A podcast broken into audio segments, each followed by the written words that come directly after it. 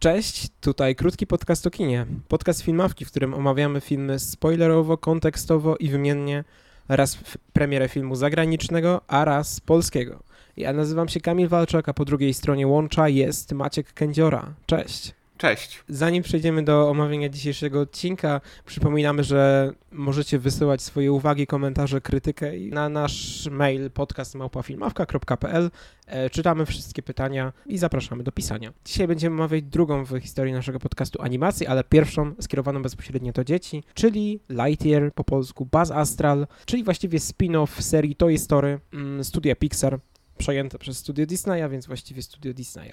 Myślę, że powinniśmy zacząć od samej serii Toy Story, bo jest to coś, co na pewno ukształtowało wielu z was, którzy wychowywali się czy to w 90 czy na początku lat 2000 a także nas po części. Wydaje mi się, że to jest jedna z takich lepszych serii, które wypuściło Pixar i która broni się nawet mimo przedłużenia do czwartej części. Czwarta część mi się co prawda najmniej podobała, ale wciąż wydaje mi się, że Toy Story to jest jedyna taka seria, która potrafiła utrzymać e, ten poziom przez właściwie wszystkie części. O czy, czego nie można niestety powiedzieć na przykład o serii DreamWorks, czyli o Shreku, którego jakkolwiek uwielbiam, to jednak e, były takie e, części, które dosyć odstawały. A jakie ty masz, Maćku, wspomnienia z Toy Story?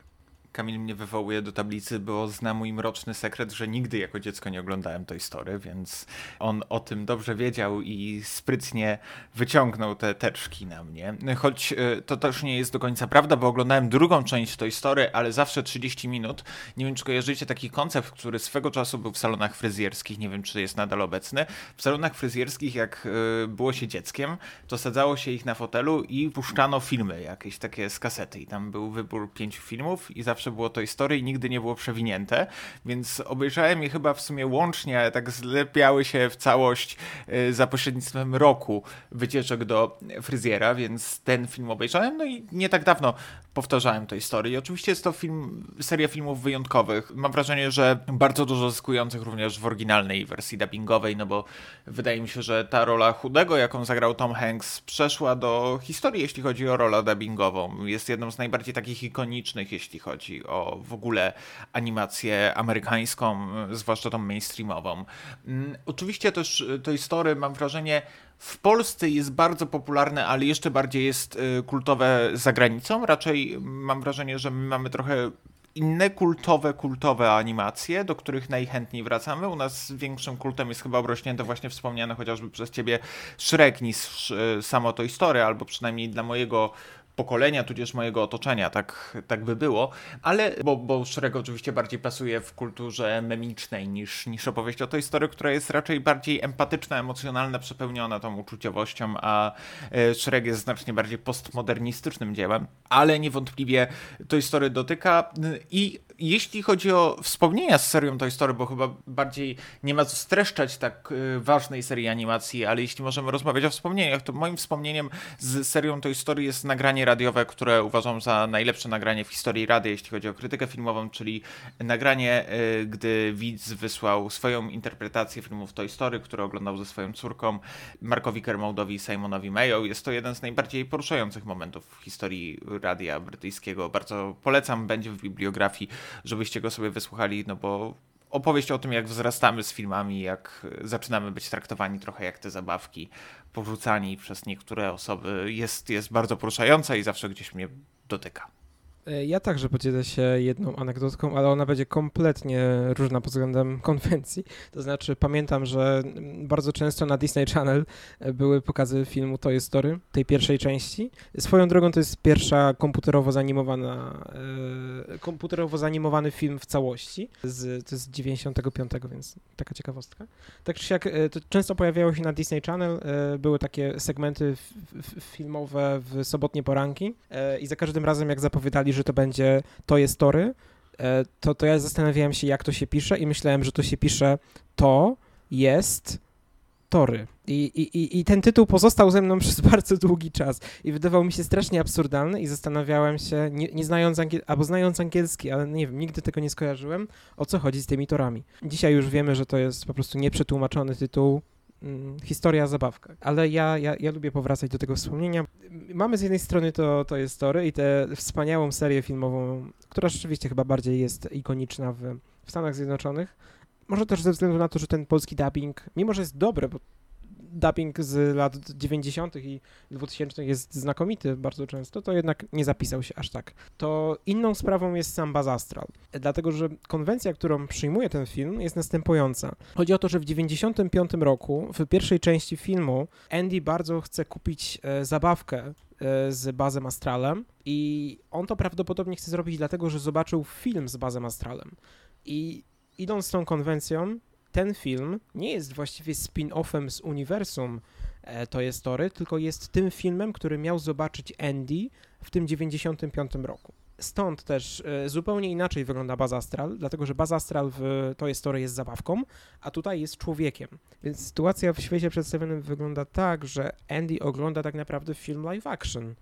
I ten Baz, którego my widzimy, jest w świecie Andy'ego niezanimowany co tłumaczy no choćby to, że Baz wygląda zupełnie inaczej, to znaczy po pierwsze ma włosy, co jest chyba największą kontrowersją, ale ogólnie wygląda inaczej jego szczęka, jego atuty fizyczne, mm, cała jego fizjonomia jest e, no, o wiele bardziej realistyczna niż wyglądało to w serii Toy Story i w ten sposób można było załatać tę no, lukę technologiczną też.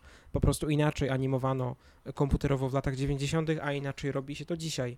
Takie rozwiązanie wydaje mi się wygodne, nie naginające uniwersum za bardzo, to znaczy nie robiące takiego niebezpiecznego precedensu, który zwykle dzieje się w takich uniwersach, e, które mają wiele postaci, że zostawiona zostaje jakaś furtka do kolejnych spin-offów, do sequeli, prequeli i tak dalej.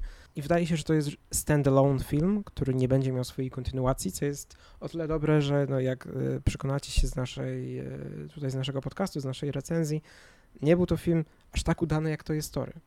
Ja nie do końca zgodziłbym się, czy nie zostawia furtki na kontynuację, choć wydaje mi się, że bardziej na tą kontynuację nie zostawiają furtki wyniki finansowe, no bo bardzo dużo osób mówi, że Bazastral po prostu się nie sprawdził finansowo, nie sprzedał się tak jak zakładano, więc możemy przeczuwać, że nie będziemy mieli kolejnych historii, ale y, ta, to otwarcie mogłoby nam zwiastować chociażby coś pokroju Strażników Galaktyki, ale w formie pixarowskiej, więc na całym szczęście nie ma już multiversum, bo, bo bym tego nie wytrzymał, ale generalnie wracając do baza Astrala i, i nie wchodząc w tematy multiversum, kiedyś przyjdzie na to czas.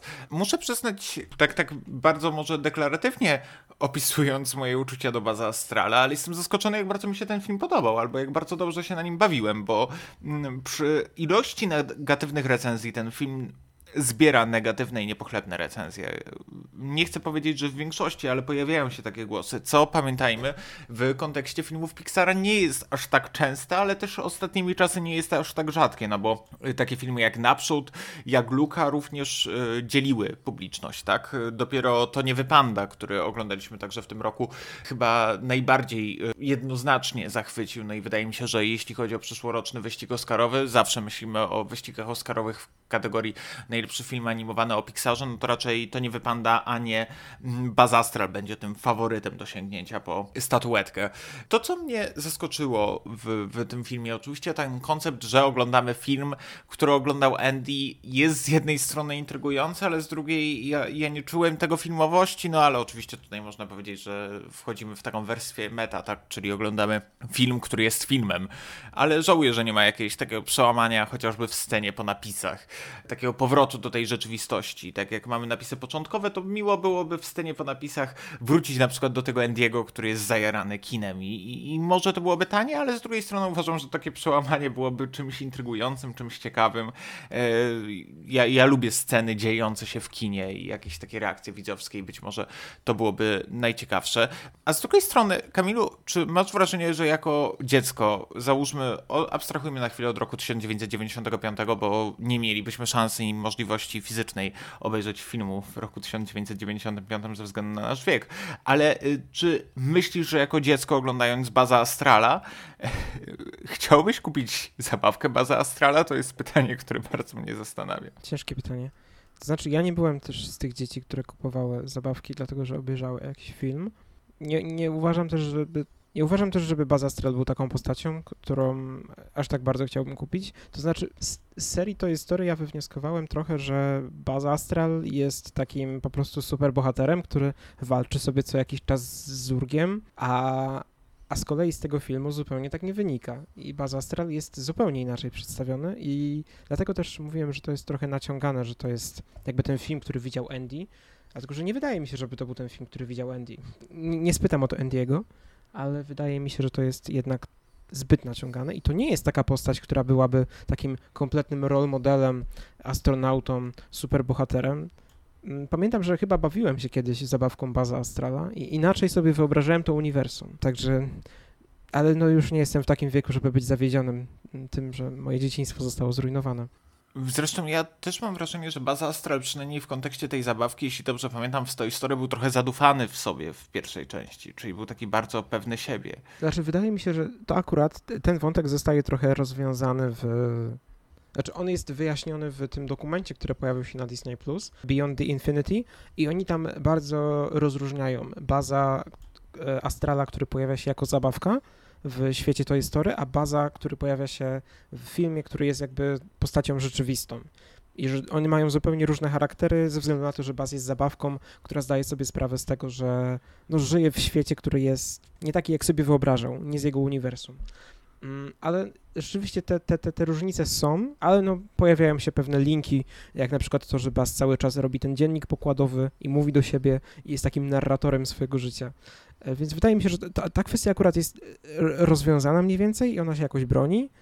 Ja też mam wrażenie, że gdyby ja jako dziecko zdarzało mi się, na przykład do dziś mam chomika z pioruna y, jako przytulankę, więc y, takie, takie zagrania i y, zabawy były mi bliskie to jednak mam wrażenie, że znacznie lepiej sprzedawałby się Kotex, czyli mój ulubiony bohater Pixara i muszę to od razu powiedzieć, dawno, naprawdę dawno w filmie pixarowskim nie było tak znakomitego bohatera, jakim jest Kotex, tak urokliwie napisanego, tak po prostu niesamowicie e, zaanimowanego, tak fajnie wymyślonego, po prostu tam wszystko się zgadza. E, ta scena, gdzie mówi, że może zagrać na milion różnych sposobów, Baz wybiera szum telewizyjny, on otwiera usta i zaczynamy słyszeć ten szum, po prostu ja, ja na scenach z koteksem śmiałem się i dwa razy zdarzało mi się, a to naprawdę rzadko mi się ostatnimi czasy zdarza płakać ze śmiechu, więc generalnie uważam, że jeśli dochodzimy do tego momentu w reakcji na jakąś postać, to po prostu czekam na samodzielny film koteksa. I, i ja będę po prostu w pierwszym rzędzie wtedy siedział na oficjalnej premierze tego filmu. Rzeczywiście postać Koteksa jest e, wyjątkowa w tym filmie, e, ale zanim, zanim może przejdziemy do analizy analizy tego, tego świetnego stworzenia, to ja bym może przytoczył, co się dzieje w filmie. Baz Astral jest częścią wielkiej załogi kosmicznej, która wyrusza w, z Ziemi w kosmos w poszukiwaniu nowych form życia. I kiedy znajdują na jednej planecie jakąś formę życia, to zbaczają z kursu, mm, budzi się pierwszy Bast i to on to odkrywa, więc on ląduje i budzą się wszyscy inni no i niestety oni zostają uwięzieni trochę na, na tej planecie ze względu na błąd, który popełnia Baz, który no, jest utożsamiany w filmie po prostu z jakąś samolubnością, z tym, że on sobie sam sterem i okrętem i sam sobie poradzi. No i oczywiście uczy się, że praca zespołowa i przyjaźń jest lepsza. Ten film jest bardzo inspirowany Gwiezdnymi Wojnami, co ma sens, bo w latach 90. sci-fi raczej było inspirowane Gwiezdnymi Wojnami i pojawia się taki, term, taki termin y, hiperprędkości. To jest coś takiego jak prędkość y, międzygwiezdna, nadświetlna w Gwiezdnych Wojnach. No i Buzz próbuje jakby naprawić swój błąd, e, robi próby z lataniem statkiem kosmicznym przy użyciu tej hiperprędkości, ale z jakiegoś powodu on, on nie zdaje sobie sprawy z dylatacji czasu, to znaczy z tego, że kiedy on będzie podróżował z tak wielką prędkością, to ze względu na relatywizm czasu, jego czas będzie upływał wolniej niż ten na tej planecie, tych wszystkich jego przyjaciół. I za każdym razem, kiedy on robi ten obrocik i nie udaje mu się, no to mija jakieś 4-5 lat. I w międzyczasie, kiedy on wraca z tych kolejnych podróży, to dostaje takiego robota od swojej, swojej dobrej przyjaciółki Aliszy, e, który jest właśnie koteksem, to znaczy jest takim robotem w kształcie kota, który wykonuje wszystkie rzeczy, które kot, ale jest też no po prostu androidem z mega mózgiem, e, który potrafi robić obliczenia, ale także na przykład wywołać takie dźwięki, jak mówił Maciek, e, szum telewizora. Może być również głaskany po brzuszku i wydaje wtedy miłe dźwięki. Ogólnie jest kotem i jest androidem, więc wydaje mi się, że to jest najbardziej op postać, jaką można było stworzyć, która bardzo po prostu przemawia też do widzów, no bo jednak koty są super. Tak czy siak, e, po kolejnej takiej podróży baza, już z tą hiperprędkością naprawioną przez Koteksa, udaje mu się osiągnąć tę hiperprędkość, ale kiedy ląduje na planecie, okazuje się, że Zurg i jego roboty napadły na tę planetę, no i zaczyna się cała przygoda z tym, żeby pokonać Zurga e, przy pomocy przyjaciół, żeby przywrócić jakby ten ład i porządek, a na końcu okazuje się, że Baz wcale nie chce naprawić swojego błędu w tym sensie, że nie chce opuścić tej planety, bo skoro założyli już tutaj cywilizację i każdy ma swoje rodziny, to nie powinniśmy im tego zabierać. Suma summarum, wszystko wychodzi na dobre, Zurg zostaje pokonany i, i tak? E, więc teraz mogę powiedzieć o tym, że Kotex jest prześwietną postacią. Jest taka jedna scena, kiedy on proponuje Bazowi igraszki i mówi to dokładnie w taki sposób. Jest to ultra urocze i no, Kotex jest świetną postacią, choć nie chcę, żeby miał osobny film, bo to by prowadziło do jego kapitalizacji i do tego, że przestałby być tak uroczą i unikatową postacią. Na pewno, ale to mi przypomniało w ogóle postać Koteksa, postać, która też mnie zachwycała w bardzo przeciętnym filmie skądinąd z uniwersum Disneya e, z Gwiezdnych Wojen. E, nie, nie, wiem, czy pamiętasz, była w Solo taka postać, którą e, dubbingowała w oryginale Phoebe Waller-Bridge, która była robotem, robotką, która bardzo mocno walczyła o prawa robotów i była Y, generalnie asystentką y, Lando, granego przez Donalda Glovera i generalnie walczyła o emancypację robotów i mówiła to głosem Phoebe Waller-Bridge.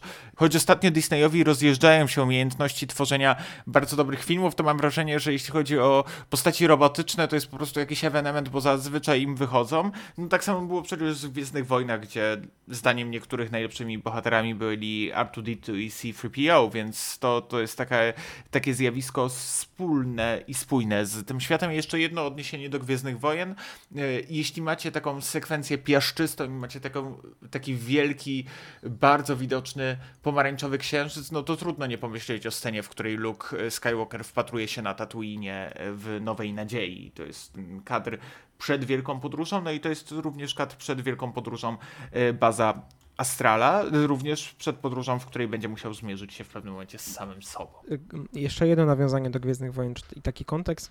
Podobna rola, y, znów świetna robota, pojawia się w Rogue One, czyli w Łotrze 1 i, i tam ten robot jest, y, ma głos podkładany przez Alana Tudyka I to też moim zdaniem świetnie wypadało, więc rzeczywiście coś jest z tymi postaciami robotycznymi. Ogólnie wydaje mi się, że tych odniesień do Gwiezdnych Wojen jest dosyć sporo, ale akurat to ma swoje usprawiedliwienie i ja to totalnie widzę, w sensie Andy na pewno był kimś, kto też był zajarany Gwiezdnymi Wojnami, jako ktoś, kto wychowywał się w 90sach i te nawiązania musiały być częste. Zresztą ja muszę przyznać, że to jest być może najlepszy nowy film Gwiezdnych Wojen, jaki powstał w ostatnich 10 latach. Wiadomo, może poza Łotrem 1 oczywiście, który jest filmem skądinąd bardzo udanym, ale jeśli chodzi o tą najnowszą trylogię, to wydaje mi się, że Bas Astral jest najlepszą częścią najnowszej trylogii, choć nieoficjalną. Bowiem faktycznie Bazastral również do innego wątku wraca i mam wrażenie, że to jest bardzo intrygujące, czyli wraca do takiej ery kina nowej przygody, które jest y, wykonane tym razem w formie animowanej, no bo tak naprawdę mamy trochę narrację typową dla kina wywodzącego się z, właśnie z tej trupy Lucas Spielberg.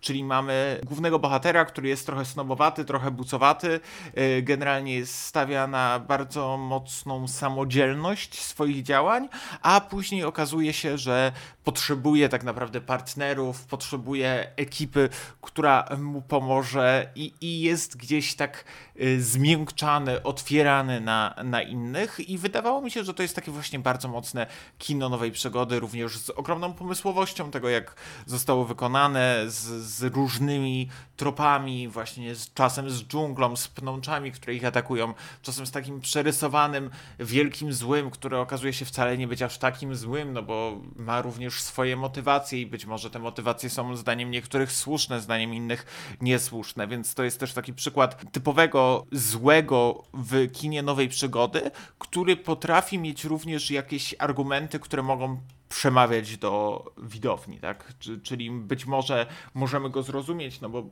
Baz Astral ten z którym mierzy się nasz Bazastral, któremu kibicujemy, ten mroczny, stary Bazastral, również pewnie ma motywacje, które dałoby się zrozumieć. Tak chce wykonać swoją misję, czuje się zadaniowcem i uważa, że znacznie ważniejsze jest to, co wydarzyło się przed wylądowaniem na tej planecie, niż budowanie nowego życia na tej planecie. Skądinąd nie wiem, jak oni się odnaleźli na tej planecie tak szybko i zaczęli mieć możliwość wysyłania baza Astrala w ogóle w Księżyc, bo wydaje się, że na tej planecie nic nie powinno być a jednak bazowi astralowi udaje się po roku po raz pierwszy spróbować przebić się w nadświetlność.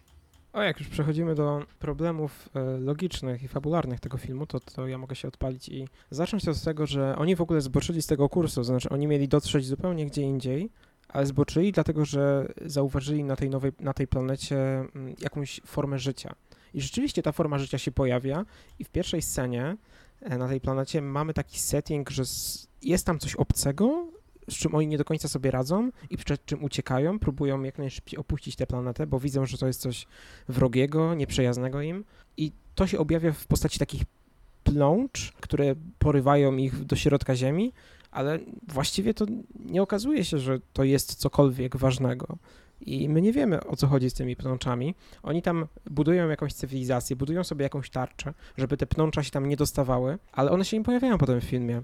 I nie zostaje wyjaśnione właściwie, co to jest za forma życia, jak oni sobie z tym poradzili, o co w tym w ogóle chodzi. To to jest taki moim zdaniem chyba jeden z większych zarzutów, bo on jest związany z tym, jak wielkim pretekstem jest w ogóle wylądowanie na tej planecie i po co to wszystko było. Zresztą te pnącza pojawiają się bardziej jako taki argument slapstickowy, bo oni są co jakiś czas porywani tymi pnączami i ktoś tam przerywa ich na przykład w zwiastunie, gdzie taki asystent baza Astrala na samym początku Dave zostaje porwany i krzyczy kiedy te pnącza tarzają nim po ziemi, powodzenia i Basastra wtedy wylatuje. Zresztą yy, a propos takich nawiązań filmowych, które pojawiają się w tym filmie, no trudno nie, nie pomyśleć o Interstellar, gdy mamy ten zabieg z czasowością w, w różnych aspektach tego, że każda minuta tutaj to 10 lat na górze, tak? Jak mamy tą słynną scenę na planecie, gdzie Matthew McConaughey później porozumiewa się z córką i przeżywa swoją córkę na, na koniec Interstellar. I oczywiście można tam wchodzić w tematykę czy, ma to pokrycie w astrofizyce. Neil deGrasse Tyson na pewno się kiedyś zajmie bazem astralem i zacznie nam analizować, czy, czy byłoby to możliwe. Oczywiście jest to animacja, więc, więc nie musi być możliwe, nie, nie o to chodzi. Nie chodzi o to, żeby dosłownie analizować, bo też ten film nie do końca rości sobie prawa e, do takiego nolanowskiego podejścia z patosem, tylko bawi się bardziej tą formą i, i też wszystko jest użyte, jak już wspomniałeś, Kamilu, pretekstowo. Y, to, to jest akurat duży zarzut do baza Astrala, bo mam wrażenie, że wszystko, co się dzieje w tym filmie jest jednym wielkim pretekstem do tego, żeby w ogóle film o bazie Astralu powstał. I możemy to traktować z jednej strony jako pozytyw, z drugiej jako negatyw, y, bo, bo oczywiście negatywną częścią tego jest to, że no, jeśli nie kupi się takiego klimatu przygodowego, to to generalnie można wytykać coraz więcej błędów w tej fabule.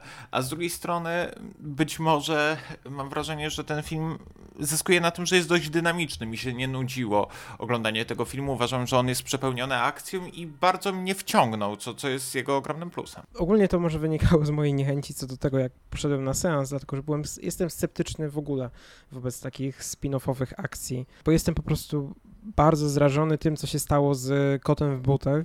Jeśli ktoś pamięta, to w ogóle ma podstawać e, druga część Kota w butach. Chodzi o spin-off tej postaci, która pojawiła się w Shreku. I no, moim zdaniem to, to wyszło okropnie. Jestem też zrażony co do tego, że są pewne podmianki w dubbingu, a ja jestem jednak przyzwyczajony do tego, co słyszałem w dzieciństwie. Wydaje mi się jednak, że te błędy trochę przeważyły na tym, że troszkę mielizna fabularna e, wyszła z tego filmu.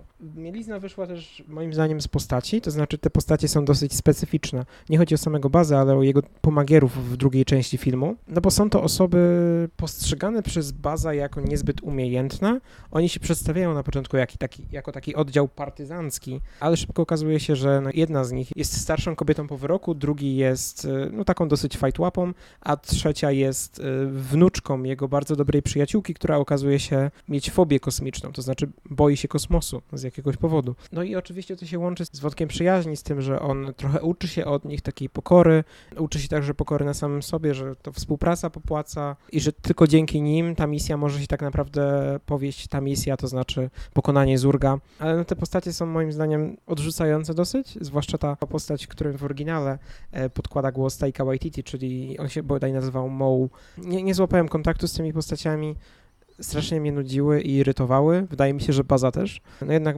skupiałem się na tym, że jest tam też koteks wśród tych postaci, e, które pomagają bazowi, ale e, przeważyło mi na tym, że te postacie nie są porywające, są raczej nudne i wtórne zresztą względem innych znanych z takich uniwersów, więc, więc trochę szkoda, że to tak wyszło. Tak i być może oczywiście jest to wina dubbingu. Nie chcę oceniać dubbingu, ale oczywiście też należy pamiętać, że oglądając film w wersji dubbingowej trudno ocenić jak było oryginalnie, no bo wiadomo na przykład jak w przypadku Shreka różni się lista dialogowa polskiego przykładu od amerykańskiego, czy jak w przykładzie Asterixa i Obelixa misji Kleopatra, gdy oglądamy ten film z napisami, to ten film jest 10 razy gorszy, więc, więc oczywiście też Mam, mam to na uwadze, ale faktycznie, jeśli chodzi o rozpisanie tych postaci, to wydaje się, że, że one nie są dobrze napisane.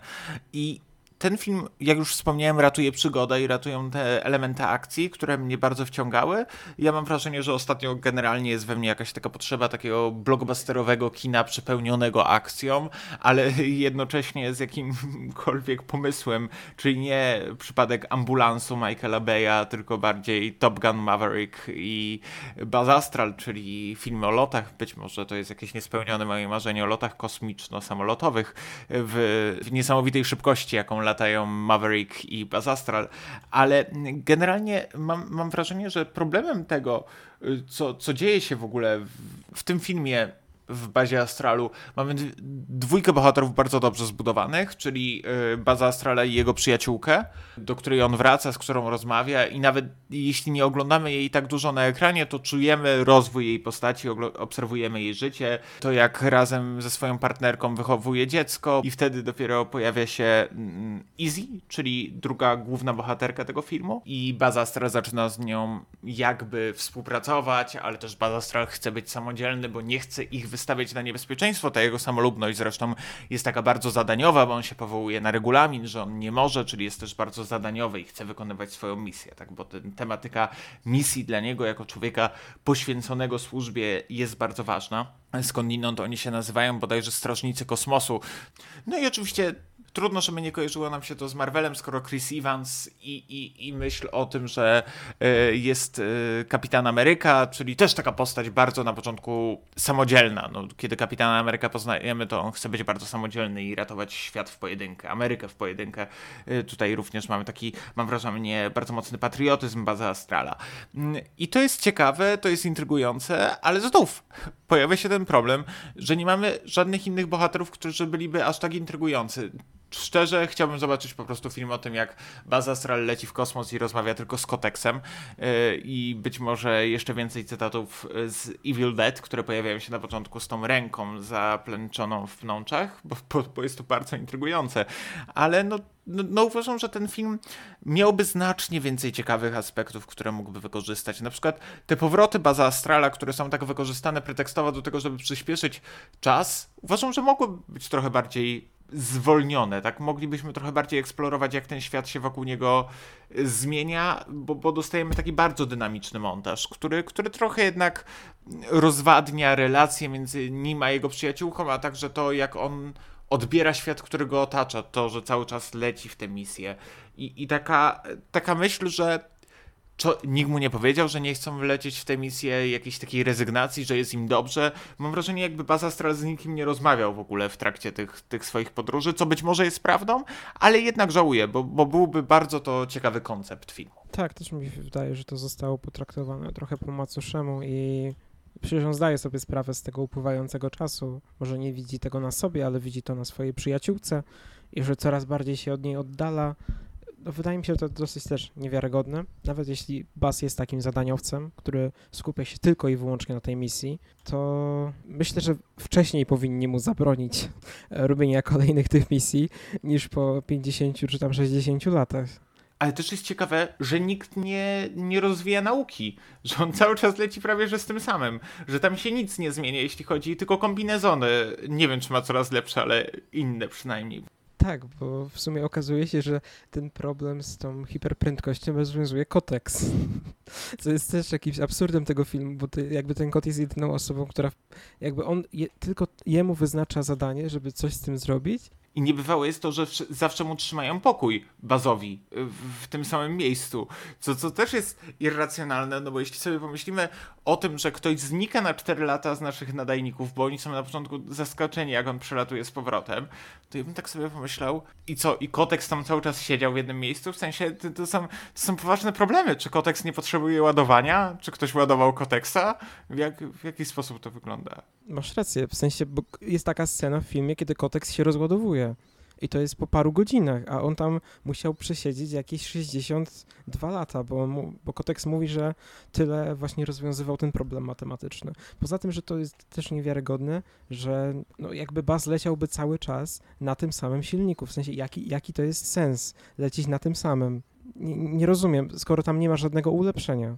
Jeszcze ta scena z hologramem, gdzie jego przyjaciółka nagrywa mu wiadomość, to, to bardzo przypomina jeszcze, a propos skojarzenia z Gwiezdnymi Wojnami, to bardzo przypomina to nagranie Księżniczki Lei i, i też Kotex oczywiście to wyświetla niczym R2-D2, bo to jest trochę takie, mam wrażenie, spojenie C-3PO i, i R2-D2 i generalnie taka fuzja między nimi, żeby, żeby Baz Astral potrzebował tylko jednego. Nie wiem, ja jeszcze jedną taką miałem myśl w kontekście tej historii, oczywiście to się później pojawiło, ale ja zawsze utożsamiałem Baza Astrala z tymi rozłożonymi skrzydłami.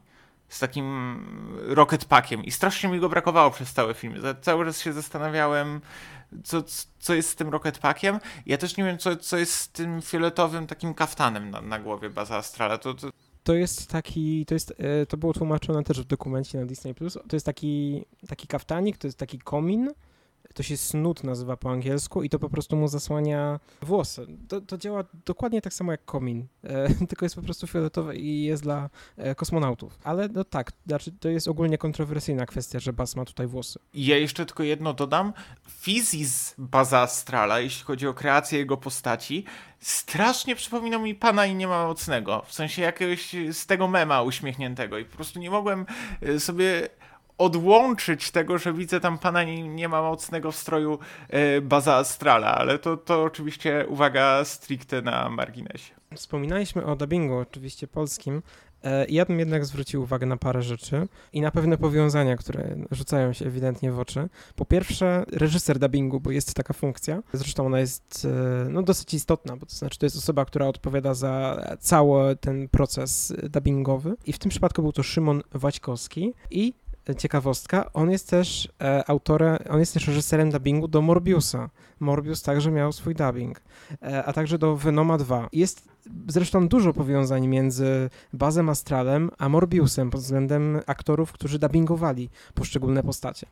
I wydaje mi się, że to nie jest przypadek, ale no to może być tylko ciekawostka. Z takich bardziej ciekawych rzeczy to Darby Steele, która jest renegatką i która specjalizuje się w bombach, jest w polskim dubbingu grana przez Dorotę Stalińską, czyli znaną polską aktorkę, która ostatnio wsławiła się w serii Kogel Mogel w czwartej części, gdzie zagrała naprawdę niezapomnianą postać z ewidentnym amerykańskim akcentem. Jest to taka dosyć po części memiczna, ale po części też bardzo charakterystycznie zagrana przez panią Stalińską.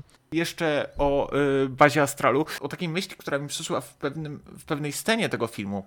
Jest tam taka scena o tym, jakie mamy ambicje i o tym, co to znaczy w ogóle dorównać do, do tych wzorców przed nami. I ja się tak zastanawiałem, bo Baza Astral tam w pewnym momencie mówi, że on nie był tak dobry w akademii, tak, że, że on się dostał y, do niej, że został strażnikiem, ale to jego przyjaciółka pozwoliła mu w siebie uwierzyć.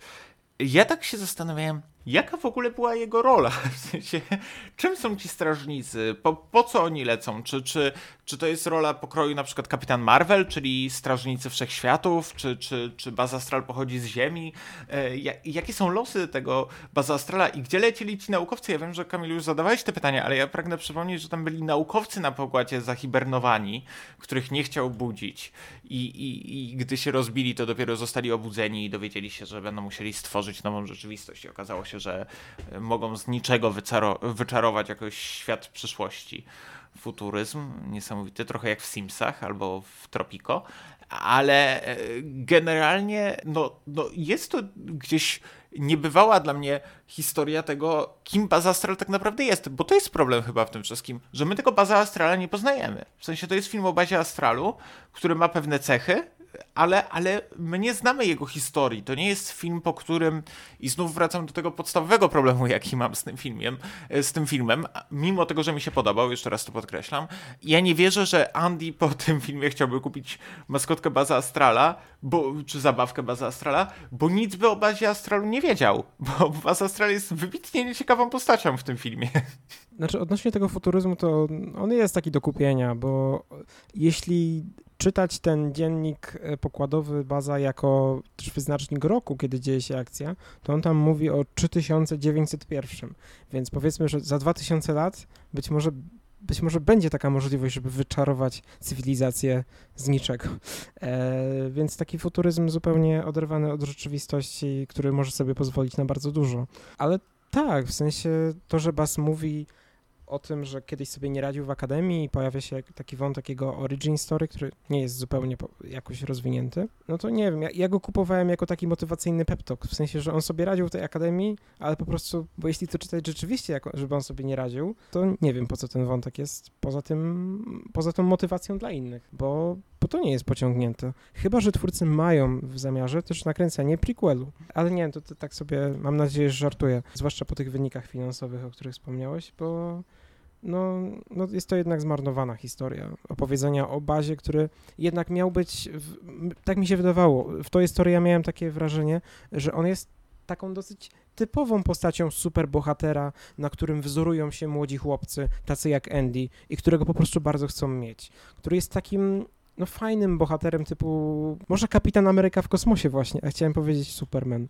E, taki dosyć sztampowy bohater. I, I to jest problem, bo to nie jest postać nawet taka wzorcowa, w sensie e, oczywiście nie wszyscy superbohaterowie są wzorcowymi, tak, no Batman nie jest zazwyczaj wzorcowy w różnych e, ekranizacjach filmowych, e, więc, więc generalnie nie powinno nas to zaskoczyć, ale znów uważam, że Baza Astral nie byłby ważnym faktorem sprzedażowym. Ja być może źle coś pamiętałem z tej Story, nie powtarzałem tego filmu, ale zastanawiam się, gdzie są te charakterystyczne ufolutki, bo ja miałem wrażenie, że one są też z tego uniwersum, z którego jest Baza Astral, ale być może coś mylę i możecie mnie poprawić w komentarzach. Byłem przekonany, że, że te ufolutki wiązały się jakoś z rzeczywistością Baza Astrala, ale być może mieszam już po prostu konwencje. Mm, no i oczywiście znów kolejny cytat z Gwiezdnych Wojen. Główny zły bohater przypomina mimo wszystko Darta Vadera, tak?